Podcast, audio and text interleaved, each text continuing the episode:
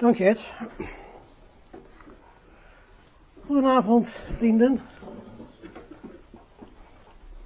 Ik zeg vrienden. Gaat helemaal goed. Gaat helemaal goed. Want zo voel ik het ook. Ik voel echt uh, dat ik onder vrienden ben. Dus vroeger, zei, vroeger zei ik altijd broeders en zusters, maar ik zeg hier vrienden. Niet dat u geen broeders en zusters bent, maar ik voel mij onder vrienden. Waarom zijn we eigenlijk vanavond hier in het aker? Hebben we geen belangrijker dingen te doen? Die vraag ligt zwaar op ons hart. Om ons heen raast de wereld door. Waarom de Griekse les? Weet je wat voor gevoel het is als je het Nieuwe Testament in het Grieks leest? Dat is net alsof je ochtends wakker wordt. Je kruipt je tent uit en dan ga je buiten de legerplaats. En dan zie je dat de grond buiten de legerplaats bedekt is met een witte laag. En je gaat erheen en je houdt je adem in, want het is prachtig. De zon staat erop en de laag schittert in de zon. En dan vraag je, wat is dat? En dan hoor je een stem die zegt, dat is nou manna. Dat is het brood dat de Heer jou tot spijze geeft. En dan kniel je neer en dan neem je wat van die, van die zuivere witte laag en het smaakt als honing. En dan neem je het mee naar je tent en je bakt er brood van. Je wordt erdoor verzadigd. En als je weinig verzameld hebt, kom je niet tekort. En als je veel verzameld hebt, hou je niet over. Mijn vrouw en ik hebben een adoptiefzoon. Een aantal jaren geleden waren wij in Groningen bij zijn promotie. Hij werd namelijk dokter in de natuurkunde. Alle hoogleraren in de natuurkunde van Nederland waren erbij. Want onze adoptiefzoon had namelijk belangrijk onderzoek gedaan in de nanotechnologie. Waarom vertel ik dat? Nou, omdat onze adoptiefzoon in het universiteitslaboratorium met speciale microscopen in stille verwondering naar de natuurkundige processen in zijn kristallen keek. Maar dat niet alleen. Onze adoptiefzoon noteerde ook uiterst nauwkeurig en wetenschappelijk zijn bevindingen die op wiskundige modellen gebaseerd waren. Waarom zeg ik dat? Nou, wij gaan vanavond niet alleen in stille verwondering naar Gods woord kijken, maar we gaan ook uiterst nauwkeurig en wetenschappelijk onze bevindingen noteren. Want de oud-Griekse taal van het Nieuwe Testament is een wiskundige taal. Onze conclusies vanavond in Gods woord zijn net zulke keiharde feiten als natuurkundige processen. We gaan ons vanavond dus bezighouden met feiten. En natuurlijk in stille verwondering toekijken hoe prachtig Gods woord is. Laten we even in het kort de les uh, van de vorige keer even in herinnering brengen. Goedenavond.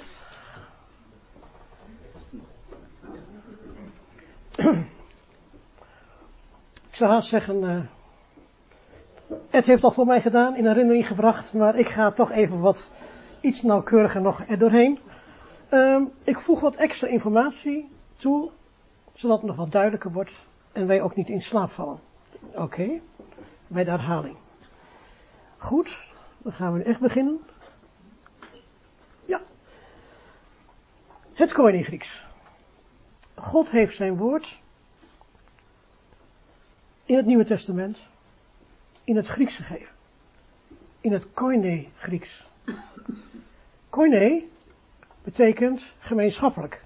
Het is het gemeenschappelijke Grieks. Het koine Grieks werd in de gehele toenmalige beschaafde wereld gesproken. En het koine Grieks werd gesproken van circa 300 voor Christus tot circa 500 na Christus. Het Nieuwe Testament de manuscripten van het Nieuwe Testament. Het Nieuwe Testament is in de eerste eeuw AD, Anno Domini, tot stand gekomen. De oorspronkelijke documenten zijn niet bewaard gebleven. Er zijn tot nu toe zo'n 5000 manuscripten van het Griekse Nieuwe Testament gevonden. En uit deze manuscripten, uit deze 5000 manuscripten, wordt zo nauwkeurig mogelijk de juiste Griekse tekst van het Nieuwe Testament vastgesteld. Dat behandelen we in de laatste les. Dus in de laatste les behandelen we de totstandkoming hè, van de Griekse tekst, uh, zoals die dus vastgesteld is. Laten we dus het eerste feit even glashelder vaststellen. Het Nieuwe Testament in uw Bijbel is niet Gods woord. Uw Bijbel is een vertaling van Gods woord. Dus, Gods woord in het Nieuwe Testament, dat zijn de Koine Griekse manuscripten van het Nieuwe Testament. Dus om te weten wat God echt gezegd heeft, moet je dus de Koine Griekse tekst lezen. En dan ziet u hier een pagina uit de Codex Vaticanus. En als je dit voor het eerst ziet, dan denk je, die Koine Griekse tekst ziet er nogal uh, ontoegankelijk uit. Hoe krijgen we dan toegang tot Gods woord?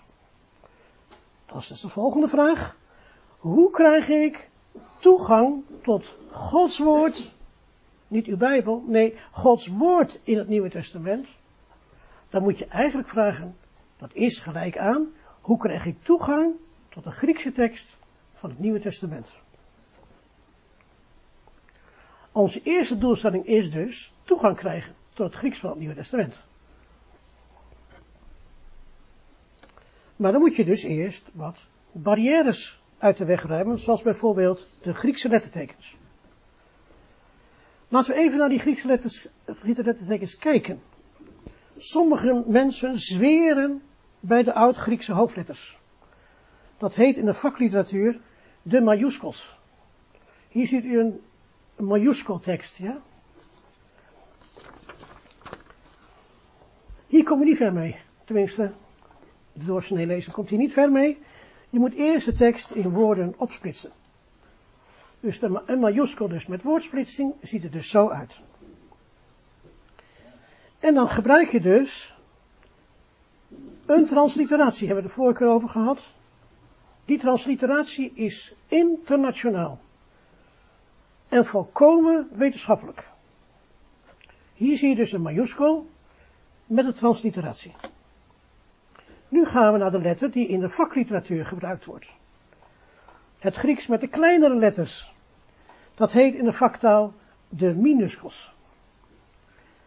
De bekendste tekst is de zogeheten Nestel Arnold. Als je wil weten hoe het eruit ziet, dan moet je bij een Rijtse zijn, die heeft altijd zijn Nestel Arnold bij zich. Hè? Vandaag niet, dat zie je altijd zien, hè? Dat je altijd zien. Oké. Maar ook onder die minuscles kun je natuurlijk een transliteratie zetten. En wat zie je dan? dat het niet uitmaakt of je nou een majuskeltekst hebt of een minuskeltekst, want de transliteratie is hetzelfde. Ga dus niet onnodig tijd stoppen in het ontcijferen van de Griekse letters. Doe dat niet. Gebruik gewoon de transliteratie. Je kunt dan met iedereen die Grieks gestudeerd heeft op gelijke voet communiceren. Je zegt gewoon, zullen we transliteratie gebruiken? Daar kan niemand bezwaar tegen maken.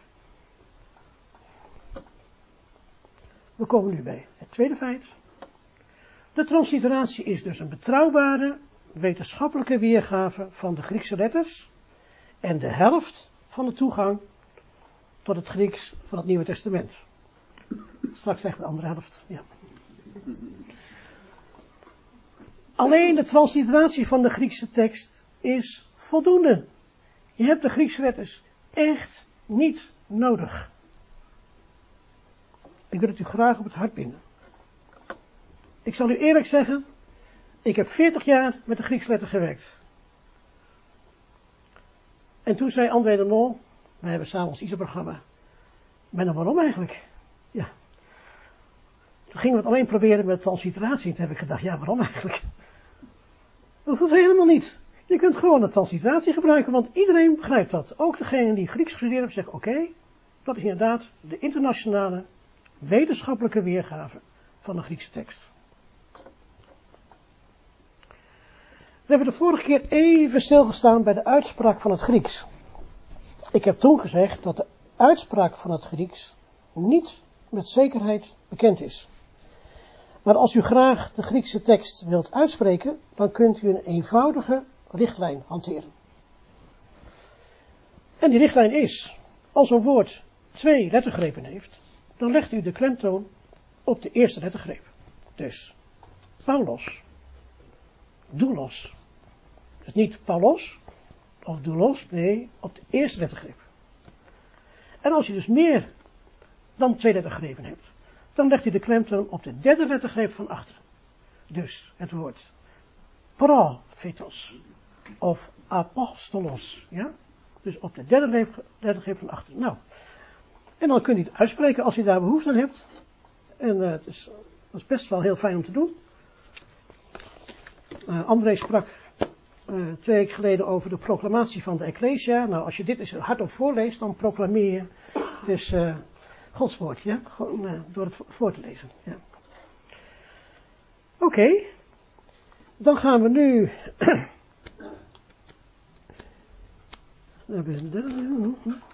We zijn nu halverwege de toegang tot het Grieks van het Nieuwe Testament. Maar nu nog de andere helft. En die andere helft is dus een concordante intonier.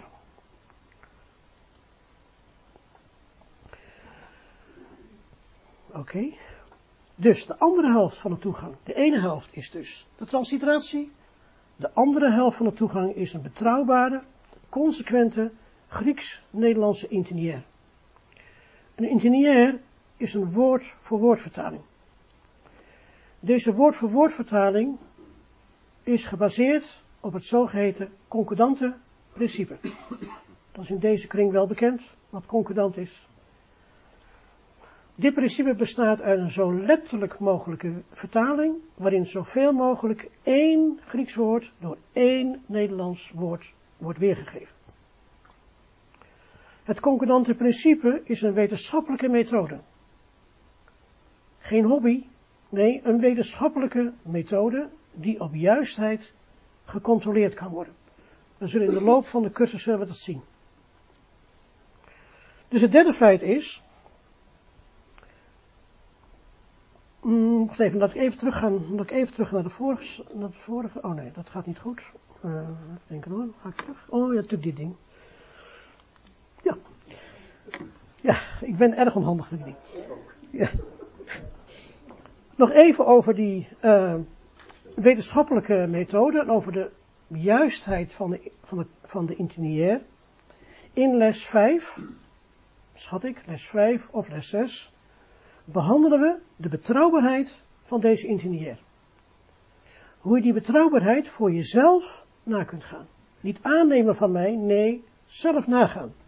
Dat gaat heel ver als je dat doet. Je stijgt ver boven het gebruikelijke niveau uit van mensen die een schrift bestuderen. Voor nu moet je even aannemen dat ik het goed gedaan heb. Dan later, in les 5, les 6, dan gaan we echt kijken hoe betrouwbaar is de intiniair die ik gemaakt heb. U krijgt alle bonnetjes in de loop van de cursus. Oké. Ga ik weer verkeerd. We moeten gewoon dat. Dus het derde feit is, je hebt een zo exact mogelijke concordante woordkeuze nodig om de Griekse tekst zo goed mogelijk in het Nederlands weer te geven. Met de transliteratie en de concordant Grieks-Nederlands intiniair heb je dus toegang tot de Griekse tekst van het Nieuwe Testament.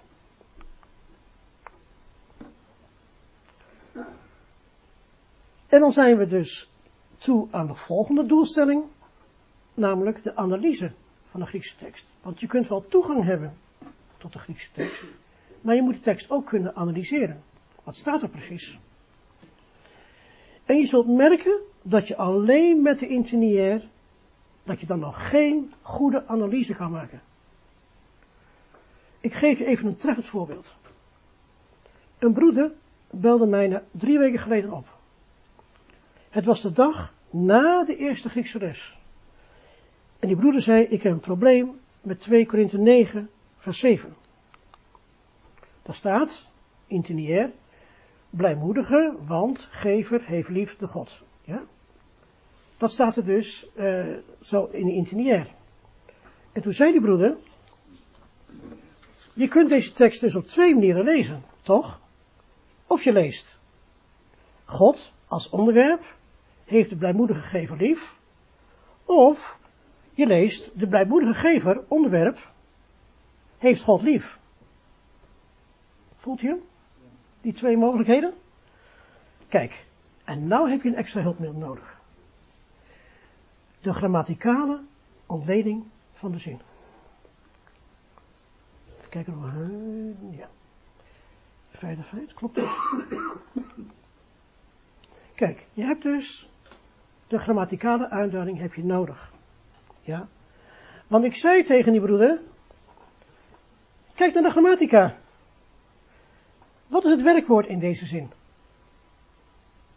Nou? Heel lief. Heel lief. En wat is het onderwerp?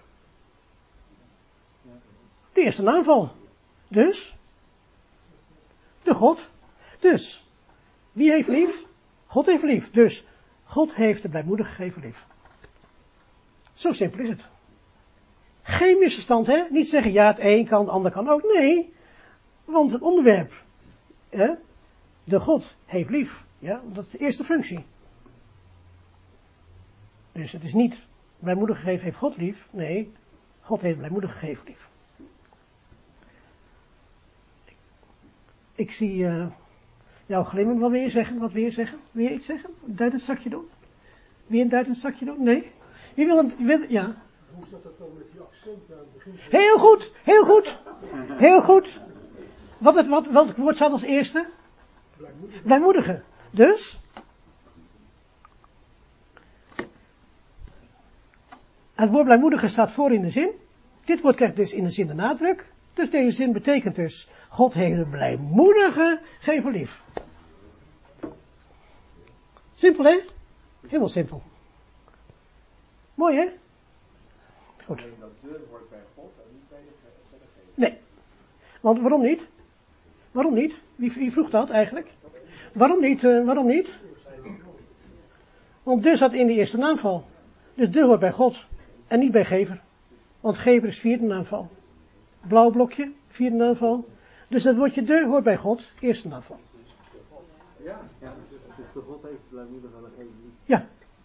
Dus de God, hè, als je het, als je het Grieks zegt, hè, daar gaan we later over hebben, over het woordje de. Gaan we het later in in de les gaan we dat behandelen. De God heeft een blijmoedige gever lief. Ja, er staat niet de gever, maar een gever. Ja? Of, ja. Maar ik geef even aan, die broeder zei het al, blijmoedig staat in het begin van de zin, krijgt een nadruk. Heel goed. Ja, in verband met de vorige zin. Want is een conclusie uit de vorige zin. Ja?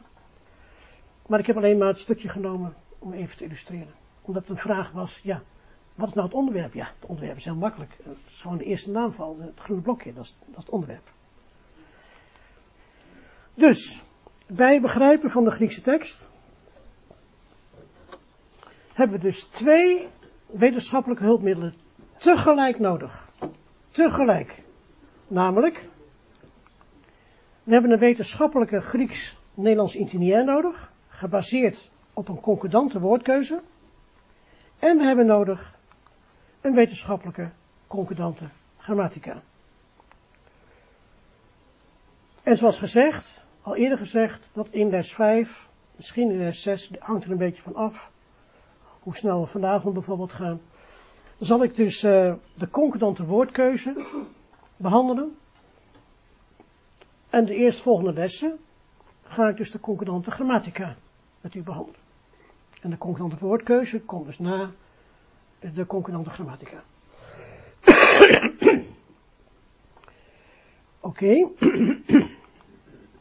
en vandaag gaan we dus een beetje herhalen en nieuwe informatie over de naamvallen, oftewel de functies in de zin. Dat klinkt, dat klinkt heel droog, hè? Naamvallen en functies in de zin. Maar het is mooi hoor. Er zijn vijf mogelijke functies in de zin. Ik herhaal ze even van de vorige keer. We hebben functie 1, of de eerste naamval, het onderwerp, wie of wat doet de handeling. Ziet u ook op uw, uh, op uw stencil. Waar vandaan is de tweede naamval. Tweede functie, van wie of van wat is iemand of iets afkomstig. 3 is de plaats, waar is wie of wat. 4 is de richting, waar naartoe gaat wie of wat. En de vijfde naamval, die niet zo vaak voorkomt, is de aanspreekvorm. Oké? We gaan deze functies dus, dank je heel lief, dank je heel fijn.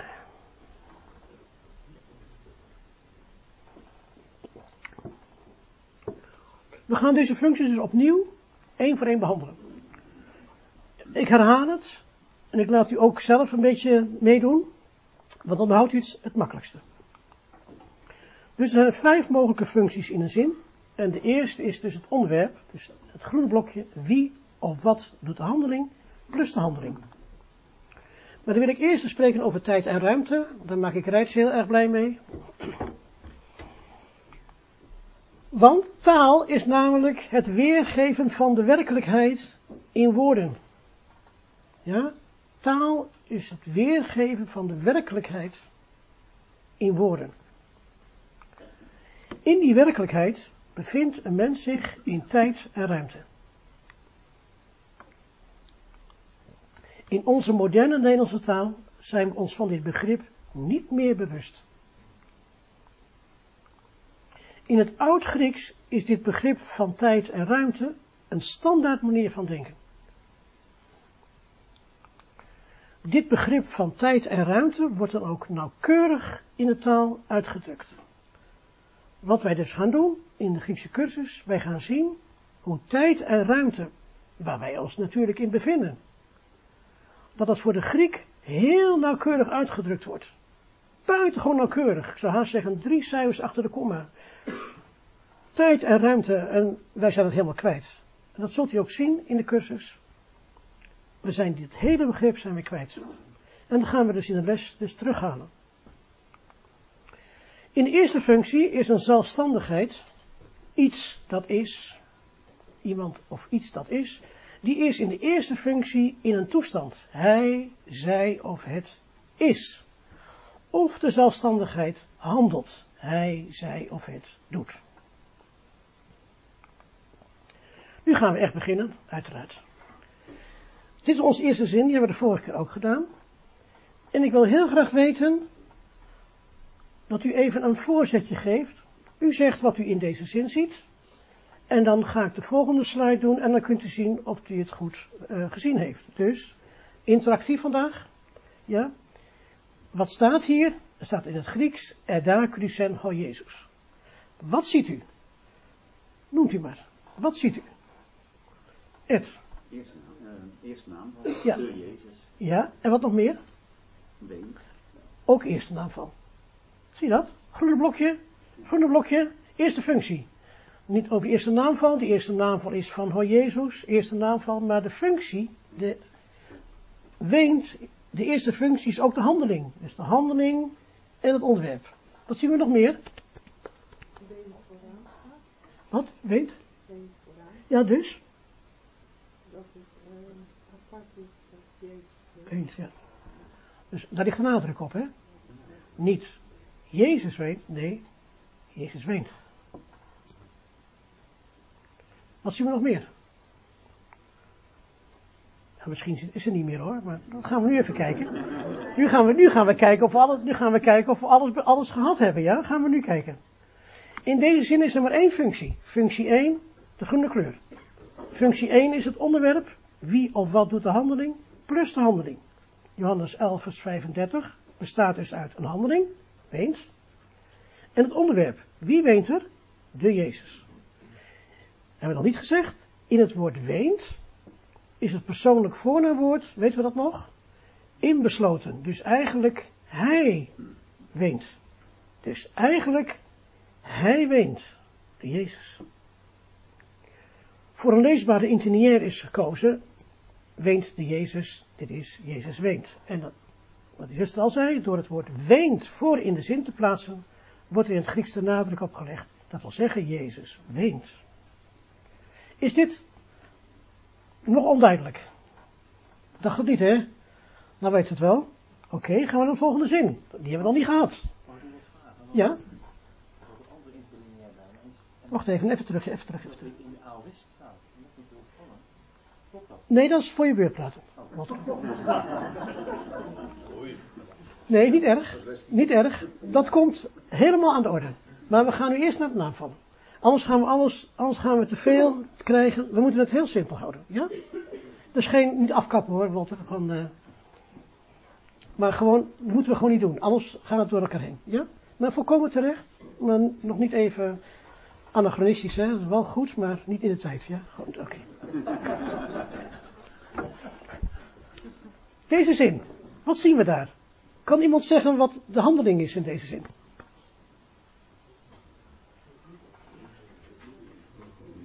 Heeft lief, ja? Of niet? En wie heeft lief? Waarom? Eerst een aanval, onderwerp. Oké. Wat zien we nog meer? Hè? Ik hoor het niet. Nee, de wereld, dat, dat doen we dus misschien eind van deze, van, deze, van deze les. We gaan nu alleen naar het onderwerp kijken en de handeling. Hè? Dus om, hè, de handeling is, heeft lief. Het onderwerp is de God. Waarom? Eerste naamval, groen blokje. Wat zien we nog meer in deze zin? Zo even snel. Het woordje zo staat vooraan. Ja, inderdaad. Gaan even de volgende slide kijken, dan zien we het even. Dus de eerste functie is de handeling plus wie doet de handeling? De handeling is heeft lief. Wie heeft lief? Antwoord, de God is onderwerp. Net even op het woordje zo, voor in de zin, de nadruk, want zo heeft God de wereld lief. Ja, dat staat er dus. Mooi hè? Ja, mooi. Oké, volgende zin. En zij komen naartoe de Jezus. Kan iemand hier iets over zeggen? Fred misschien? Nee, maar ik zie je, maar ik zie je wel zitten, ja. Wat, wat, wat zie jij? Wat zie jij? Zij komen het onderwerp. Ja. En tegelijk ook de handeling. Je ziet dus dat het onderwerp en de handeling in één woord zit. Ja, dus om het even technisch te zeggen. De, het persoonlijk voornaamwoord is inbesloten ja, in de persoonsvorm. Hebben we vorige keer daar bij stilgestaan. En wie zijn die zij dan? Dat weten we niet, dat staat in de vorige zin. Ja? Dus er wordt verondersteld dat we weten wie die zij zijn. Dus we gaan even kijken. Zij komen is de eerste functie. De handeling is komen. Het onderwerp is zij, meervoud. Hè? 3MV, drie, derde persoon, meervoud. In deze zin is het onderwerp zij in de persoonsvorm komen inbesloten. En er wordt in deze zin verondersteld dat de lezer weet wie die zij zijn. Ja? Goed. Weer nieuwe. Altijd fijn, nieuwe dingen. Wat zien we?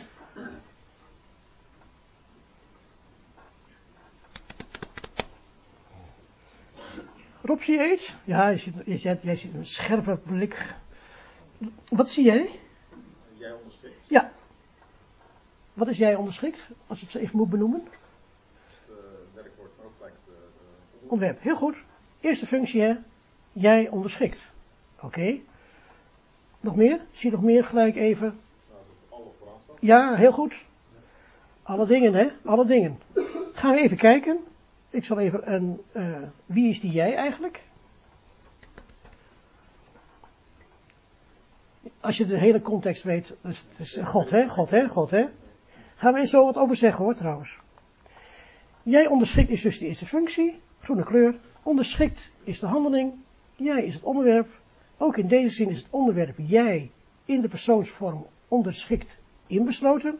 Let op, alle dingen staat voorin, vooraan in de zin en krijgt de nadruk. Jij onderschikt alle dingen. Ja, staat er dus. En in deze zin wordt verondersteld dat de lezer weet wie die jij is, namelijk God. En dit woord jij voor God is niet oneerbiedig bedoeld, want het Grieks kent geen beleefdheidsvorm. Er is maar één vorm. Dus of je kunt de, kunt de kinderen met u aanspreken, of je kunt God met jij aanspreken. Dat is een keuze die je dan moet maken als je een vertaler bent. Ja, want er is geen beleefdheidsvorm in het Grieks. Net zoals in het Engels you, is het dus in het Grieks uh, precies zo. Dus het is geen onbeleefdheid of oneerbiedig, want het Grieks kent gewoon geen beleefdheidsvorm. Is het gewoon een vierde functie? Wat? Onder de. Nou, dat weet ik niet, want het is een tweede functie, maar dat gaan we nu niet eh, bespreken. Want dat hypacota, ja, stem maar. Dan ik nog heel even. Ja. Er staat jij onderschikt, hè? Ja. Dan staat er een groene blokje, Ja. dat staat voor onderwerp. Ja, eerste functie, ja. Eerste, ja, eerste functie. En dan staat er nog een tweetje. Ik ben even kwijt wat dat nou voor zin heeft. Wat, wat, wat betekent het tweetje maar in die Nee. voorste zonder drie? Nee, luister, dat is, dat is hetzelfde nu, hetzelfde wat je nou doet. mm, als Walter. Ja? Nou, in dit geval eh, niet helemaal, eh, excuus, maar het staat 2 EV, maar we krijgen dat bij de werkwoorden. Dus eigenlijk, we gaan nu alleen maar kijken naar de naamvallen. We kijken of het de eerste persoon of het eerste naamval is, tweede of derde of vierde naamval. En wat, en wat dat werkwoord precies allemaal betekent, al die eh, afkortingen, die krijgen we bij de werkwoordsvorm. Maar alleen maar naar de kleurtjes te kijken. We hoeven alleen maar naar de kleurtjes te kijken. ja, ja. Want wat Ja, het nou, ja, dan is dat een code, hè? 4 en 2 staat toch een vierde naamval op dat moment? Wat? Bij, bij alle dingen. Ja, 4 NV, dat betekent vierde naamval. Ja, maar er staat niet bij het groene blokje, staat geen eerste naamval. 1 en 2. Nee, want we hebben ook gezegd, kijk, jij onderschikt is geen naamval. Even goed, en mensen even goed, even, wat is een, een, spraakverwarring? Kijk, we spreken over functies in de zin. Je hebt een eerste, tweede, derde, vierde, vijfde functie. Die functie is en het onderwerp in de eerste functie en de handeling. We hebben aan het begin heel veel problemen mee gehad, dat mensen dus niet meer zagen gewoon waar het onderwerp gebleven was. Nee, die zit soms in het werkwoord. Dus we hebben gezegd, oké, dan geven we met een kleurtje aan dat het de eerste functie is. Ja? En de eerste naamval heeft alleen maar te maken met zelfstandige naamwoorden en niet met werkwoorden. Ja? Is dit duidelijk voor iedereen of moet ik het nog een keer herhalen? Ik zeg het nog een keer. Ik, het gaat toch ook een beetje vlot. De eerste functie is dus het onderwerp en de handeling. Als je spreekt over naamval, dan heb je het over zelfstandige naamwoorden en niet over eh, werkwoorden. En de werkwoorden, eh, die hebben dus die eerste functie. En ook het onderwerp hebben wij ook de eerste functie genoemd, omdat het samen is. Het onderwerp hoort altijd bij de handeling, is één geheel.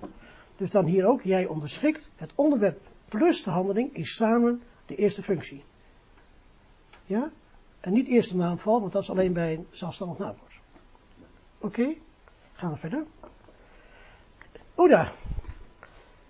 Wat zien we? Wat zien we?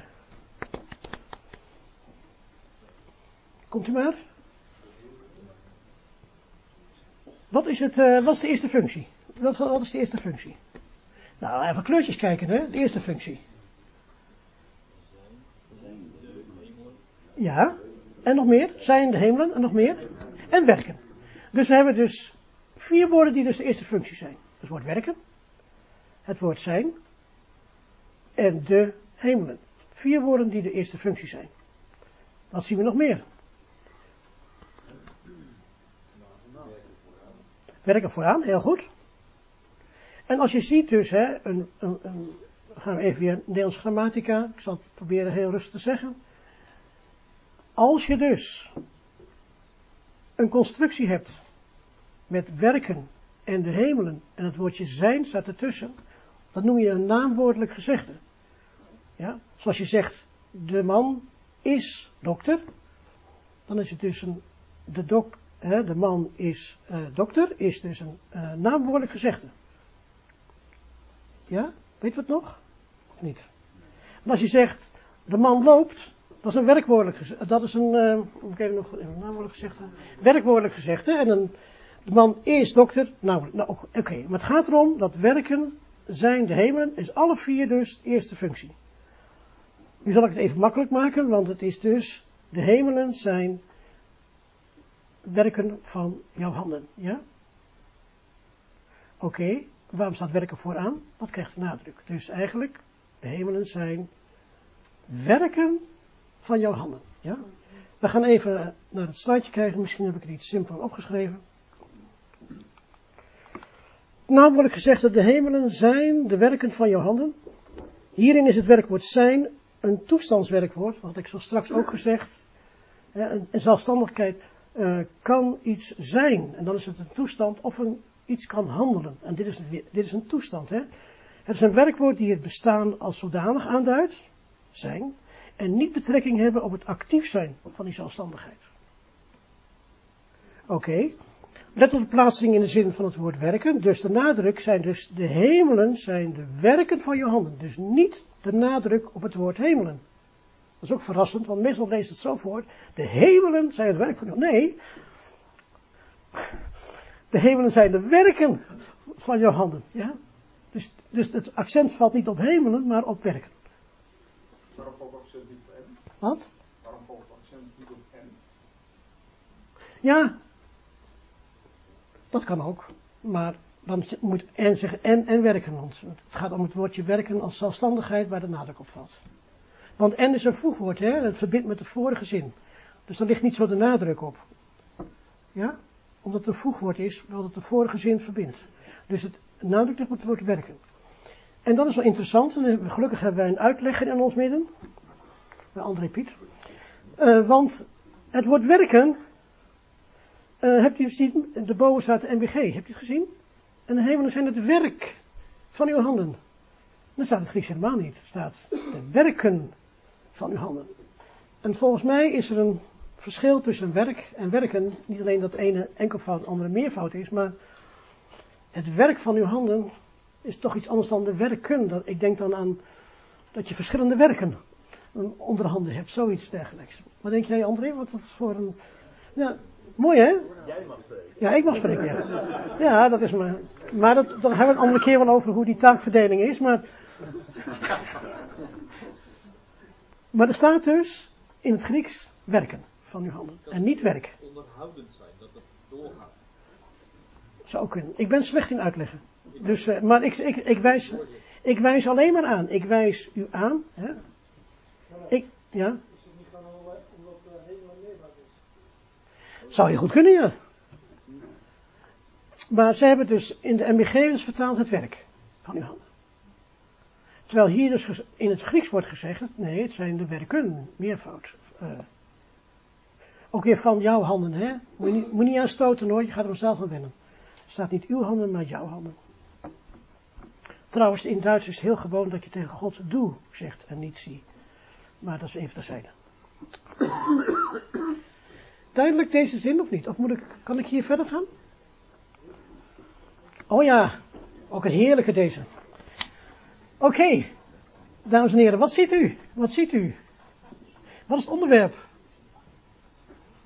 Wat is de eerste functie? Laat ik het beter zeggen. Wat is de eerste functie? Het woordje zoon, hè? Eerste woord. Ben jij ook eerste functie? Ik is eerste functie heb verwekt is ook eerste functie. Het zijn eigenlijk twee zinnen, hè? Gaan we gaan het ook splitsen. eerste zin is, zoon van mij ben jij. En de tweede zin is, ik heb vandaag jou verwekt. Of ik heb vandaag jou verwekt. Oké. Okay. Dit is een buitengewoon interessante zin. Ja, zeg maar. Hoe zie je dat dan? Dat is twee zinnen zijn. Ga ik je nou laten zien? Nee, nee, maar goed. Ik, vind dat, ik zou het ook gevraagd hebben, ik zou het ook gevraagd hebben. Buitengewoon interessant, hè? De eerste functie is, zoon ben jij. Naamwoordelijk gezegd, hè? Toestandswerkwoord. Zoon ben jij. En ik heb verwekt is een handeling. Nu zie je het verschil tussen die twee. De ene is een toestandswerkwoord, mijn zoon, ben jij. En de andere is een handeling. Ik heb verwekt.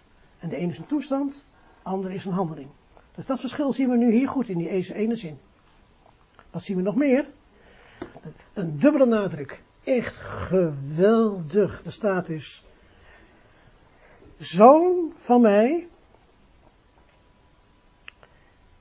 ben jij, dat ben, dat ei, dat is eigenlijk jij bent. Want het, hè, persoons, de persoonlijke voornaamwoord zit in het persoonsvorm. Dus eigenlijk staat er, zoon van mij, jij bent jij. Dus, en ook nog de zo, plaatsing van zoon voor in de zin, dat wil zeggen, zoon van mij, jij bent. Ja, dat staat er dus in het Grieks. Oftewel, jij, jij bent mijn zoon. Dat staat er dus, om, hè, dus er wordt twee keer benadrukt. Eerst het woordje zoon. En het tweede, door een dubbele jij, eigenlijk, ja. Jij bent dat. Ja? Geweldige zin. Maar trouwens, ik vandaag heb verwekt jou precies hetzelfde. Want ik, vandaag, en het woordje heb verwekt is eigenlijk, ik heb verwekt. Herhaling van ik, jou. Dus dat is eigenlijk, ik, ik, ik heb jou vandaag verwekt. Dit is echt een geweldig zin. Als je als je, hier moet je dus niet aan voorbij lopen, hier moet je dus, in de stille uurtjes moet je daarover nadenken. Denk je, ah, zoon van mij, jij bent, ik heb jou vandaag verwekt. Geweldig, ja. Gaat natuurlijk over ons Heer. Fantastisch zin. Ja? Fantastisch zin. Dus, nou let nou even op de vertaling en op de Grieks. Ik heb het even erbij gezet om aan te geven dat je het niet voelt als je het leest in je, in je vertaling. Er staat, mijn zoon zijt gij, ik heb u heden verwekt. Ja. Maar de grondtekst zegt, jij bent mijn zoon. Ik, ik heb jou vandaag verwekt. Je mist dus de hele, de hele kracht, de zeggingskracht mis je dus als je alleen maar de vertaling leest. Begrijp je? Dat bedoel ik te zeggen. Ja, het is geen pauze hoor, gewoon gelukkig nog niet, we hebben nog tien minuutjes. Even een rustpuntje van mij. Dit is trouwens de zee bij Katwijk de Duinen. Is het uitzicht van André. Uitzicht van André de. Ik vind het een heel mooi plaats. Het is geen Mongolië, het is gewoon, uh, het is gewoon uh, Katwijk, ja? Oké, dus we hebben vijf mogelijke functies in de zin. We hebben nu de eerste functie gehad, het onderwerp en de handeling. Dat is wel duidelijk, denk ik mij. Ja? Vrienden, is dat duidelijk, die eerste functie? Groene blokjes? Ja? Gaan we naar de tweede functie, waar vandaan? Nou ja, ik zou haast zeggen, uh, Ed heeft al het gras van mijn voeten weggemaaid, ja. Herhaling, ja. Waar vandaan, ja. We hebben dus gezegd vanuit, voorbeeld van de zee. Als ik zeg, ik kom vanuit de zee, dan zeg ik dat ik eerst in de zee was, maar ik ben overgegaan. Van het domein van de zee naar het domein van het droge. Ja, grensoverschrijdend. Dan heb je het eerste voorbeeld natuurlijk gelijk van Marcus 1 vers 10. Wat gaan we even, even herhalen. Wat is, het, wat is de eerste functie in de zin? We hebben het wel over de tweede functie, maar ik wil eerst even de eerste functie van u weten. Wat is de eerste functie? Omhoog klimmende, dat is groen hè? Omhoog klimmende, dat is, dat is dus de eerste functie, het onderwerp. In de handeling. Omhoog klimmende vanuit water. Wie is dat dan? Dat staat in de vorige zin. Ja, dus dan, moet je dan ook die andere zin erbij pakken. Dat heb ik niet gedaan, want het gaat om vanuit het water. En dan moet je goed kijken, vanuit is het woordje ek. En na het woordje ek komt altijd de tweede naamval. Dus, toe hudatos is de tweede naamval. Dus hij komt vanuit het water. Waar vandaan? Vanuit het water. Hij klimt omhoog vanuit het water. Hij was eerst in het water. De handeling is grensoverschrijdend. Hij gaat van het ene domein, het water, naar het andere domein, het droge. Het is een beweging. Dus je moet altijd denken aan beweging. Tijd en ruimte, tweede naamval is een beweging. Altijd. Nou, die heeft het ook al genoemd, die ons uitredt. Ik heb ook uh, het woordje uh, ruzato, red uit, is niet redden, nee, uitredden. Uitredden is een ander woord dan redden. Het woord voor redden is een andere dan uitredden. Die ons uitredt vanuit de autoriteit van de duisternis. Wat is de tweede functie? De rode blokjes, de autoriteit van de duisternis. Allemaal tweede functie, tweede naamval, ja, na het woordje ik. Dus we waren eerst in de autoriteit van de duisternis en we worden eruit gered vanuit de autoriteit van de duisternis. We gaan in de volgende lessen hebben over de werkwoordsvormen, wat dat voor betekenis heeft. Dus, zoals in het vorige voorbeeld het onderwerp vanuit het water omhoog klom, zo worden wij uitgered vanuit de autoriteit van de duisternis. Eerst waren we in de autoriteit van de duisternis, nu redt hij ons eruit. Wij gaan van het ene domein naar het andere domein, grensoverschrijdend. Ook hier een beweging. Ja? Oké. Vanaf, heeft het ook al genoemd, vanaf de zee, dat betekent dat ik vlak bij de zee was, niet erin. En dat ik er vanaf gegaan ben, weg van de plaats van de zee. Ik verwijder mij van de zee. Vanaf is dus een vertrekpunt. Het is een zich verwijderen van. Het voorbeeld, wij zullen gered worden door hem. Ja? Ja. Ja, ik ging te snel. Ga maar rustig kijken, ik ga het nog even rustig herhalen. Dus het tweede voorzetsel van de tweede functie is vanaf. Als ik zeg vanaf de zee, dan ben ik vlak bij de zee. Niet erin. En dat ik er van afgegaan ben, weg van de plaats van de zee. Ik verwijder mij van de zee. Dus vanaf is een vertrekpunt. Het is een zich verwijderen van. Terwijl vanuit ben je nog in het ene domein, maar bij vanaf niet. Je bent nog steeds in, je bent in hetzelfde domein waar je ook weer naartoe gaat, alleen je gaat van een bepaald vertrekpunt af. Goed. We zullen gered worden door hem vanaf de boosheid. Vanaf de boosheid, apo is vanaf. De boosheid is tweede naamval, tweede functie. Dus dan heb ik ook gezegd, de vorige keer heeft het ook herhaald. Wij, wij zullen gered worden door hem vanaf de boosheid. Wij worden niet vanuit de boosheid gered, maar vanaf de boosheid. Wij zullen dus niet in de boosheid zijn, maar vlakbij de boosheid. En wij zullen van die boosheid verwijderd worden. Gered worden in dit geval. Wij worden dus verwijderd. Hè. Dat gered worden houdt in feite in, je wordt verwijderd vanaf die boosheid. Dat is die redding.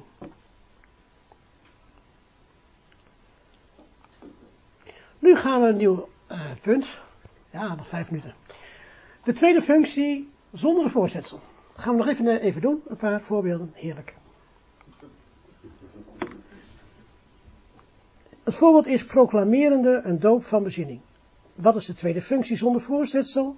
Metanoias van bezinning. Er staat geen voorzetsel, er staat wel een tweede naamval, een tweede functie, namelijk van bezinning. Dat gaan we net even lekker voor de pauze doen. De tweede functie zonder voorzetsel. De tweede functie zonder voorzetsel heeft nog steeds de kracht van de tweede functie, namelijk waar vandaan, waarvan afkomstig. Het woord in de tweede functie heeft betrekking op het voorafgaande woord. Dus het woord in de tweede functie heeft betrekking op het voorafgaande woord. Het woord in de tweede functie specificeert het voorafgaande algemene woord nader. Ik ga zo een voorbeeldje geven en dan gaan we pauzeren. Het voorafgaande algemene woord wordt verbonden met het woord in de tweede functie, behorend bij. Dan gaan we even een voorbeeldje. Op de, voorbeeldje? Voorbeeldje. Op de vraag, waar ligt de schaar? Dat vraag ik altijd mijn vrouw, hè? Vraag ik altijd mijn vrouw. Vrouw, waar ligt het? Ja, mijn vrouw. Waar ligt de schaar? Hè? Zoeken, ja. Kan het antwoord zijn? In de la. Ja? En dan is de volgende vraag. Welke la? Want er is een keukenla, een la van de boekenkast, een la van de linnenkast, een la van het televisiemeubel, etc. En als dan het antwoord is in de bureaula, dan is het woord bureau een nadere specificatie van het woord la, namelijk de la van het bureau. Van het bureau is dan de tweede functie.